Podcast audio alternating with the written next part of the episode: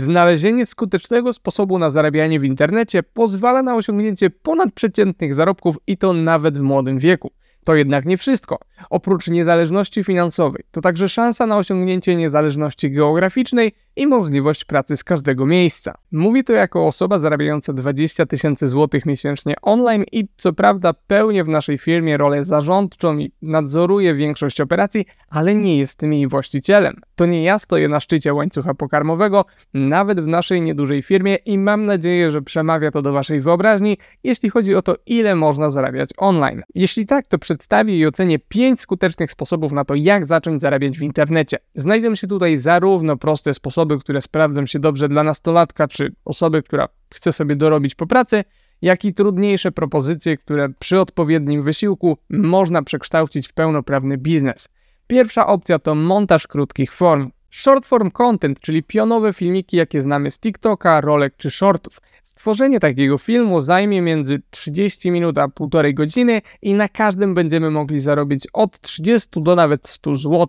Na tego typu filmiki jest teraz ogromne zapotrzebowanie i to jest bardzo dobra wiadomość, bo to pierwsze na co należy zwrócić uwagę rozważając jakiś biznes. Mamy też bardzo niski próg wejścia, bo jedyne czego potrzebujemy na start to program do montowania, na przykład darmowy DaVinci Resolve, którego sam używam.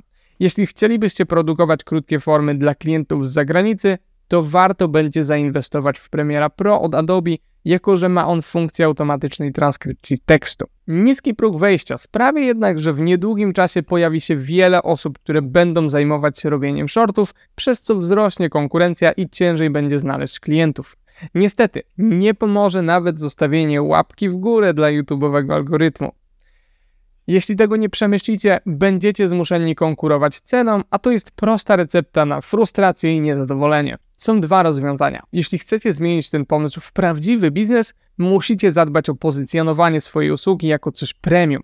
Najprostszym sposobem na przekonanie innych, że jesteście towarem z wyższej półki i warto zapłacić za was więcej, będzie nawiązanie współpracy ze znanymi osobami i markami, oferując im swoje usługi za darmo, tak aby móc uwzględnić ich w swoim portfolio. Z drugiej strony, jeśli chcecie sobie tylko dorobić albo po prostu nie macie głowy do takiego walczenia o klienta, możecie się zatrudnić u kogoś innego w jakiejś agencji, która rozwiąże ten problem, dając wam klientów. Jako, że pracuję w takiej agencji, osoby, które znają angielski i są zainteresowane tego typu współpracą, proszę o napisanie do mnie maila. Potencjał finansowy krótkich form oceniam na 3 na 5, trudność na 2 na 5, a ogólną ocenę na 4 na 5. Druga propozycja e-commerce. Ta kategoria jest bardzo szeroka, bo w internecie możemy sprzedawać praktycznie wszystko i to na przeróżne sposoby.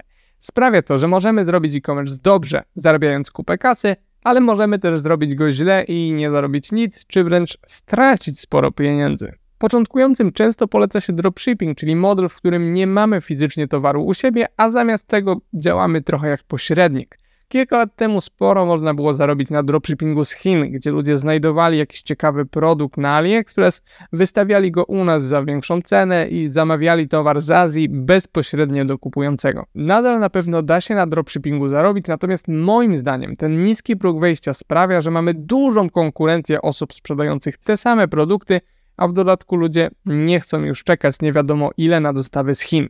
Oczywiście można też robić dropshipping z magazynów z Polski i skrócić w ten sposób czas dostawy, ale ma też to swoje ograniczenia. Sprawia to, że osobiście nie jestem fanem tego modelu i nie uważam go za najlepsze rozwiązanie, chociaż na pewno jeśli ktoś wie co robi, to nadal można na nim dobrze zarobić i pewnie nie trzeba by było daleko szukać dropshipperów, którzy zarabiają więcej ode mnie. Większe możliwości będziemy jednak mieć mając swój magazyn i trzymając w nim produkty, które albo ściągamy z zagranicy, albo zamawiamy w hurtowniach, albo nawet sami produkujemy.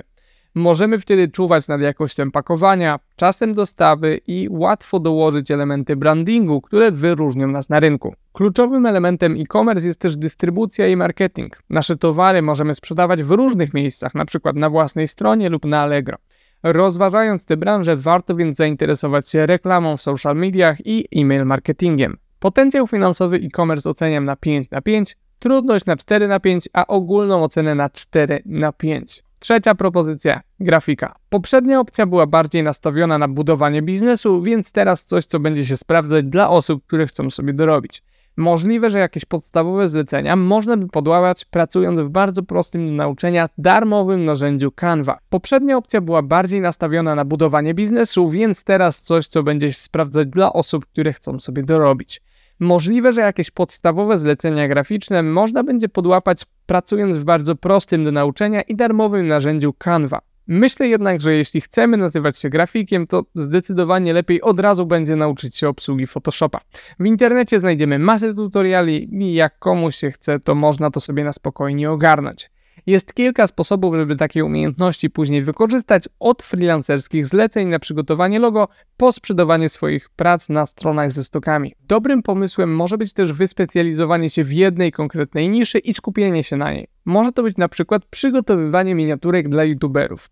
Za każdą taką miniaturkę można wziąć między 20 a 40 zł, a pracując z zagranicznymi twórcami nawet 80 czy 100 zł.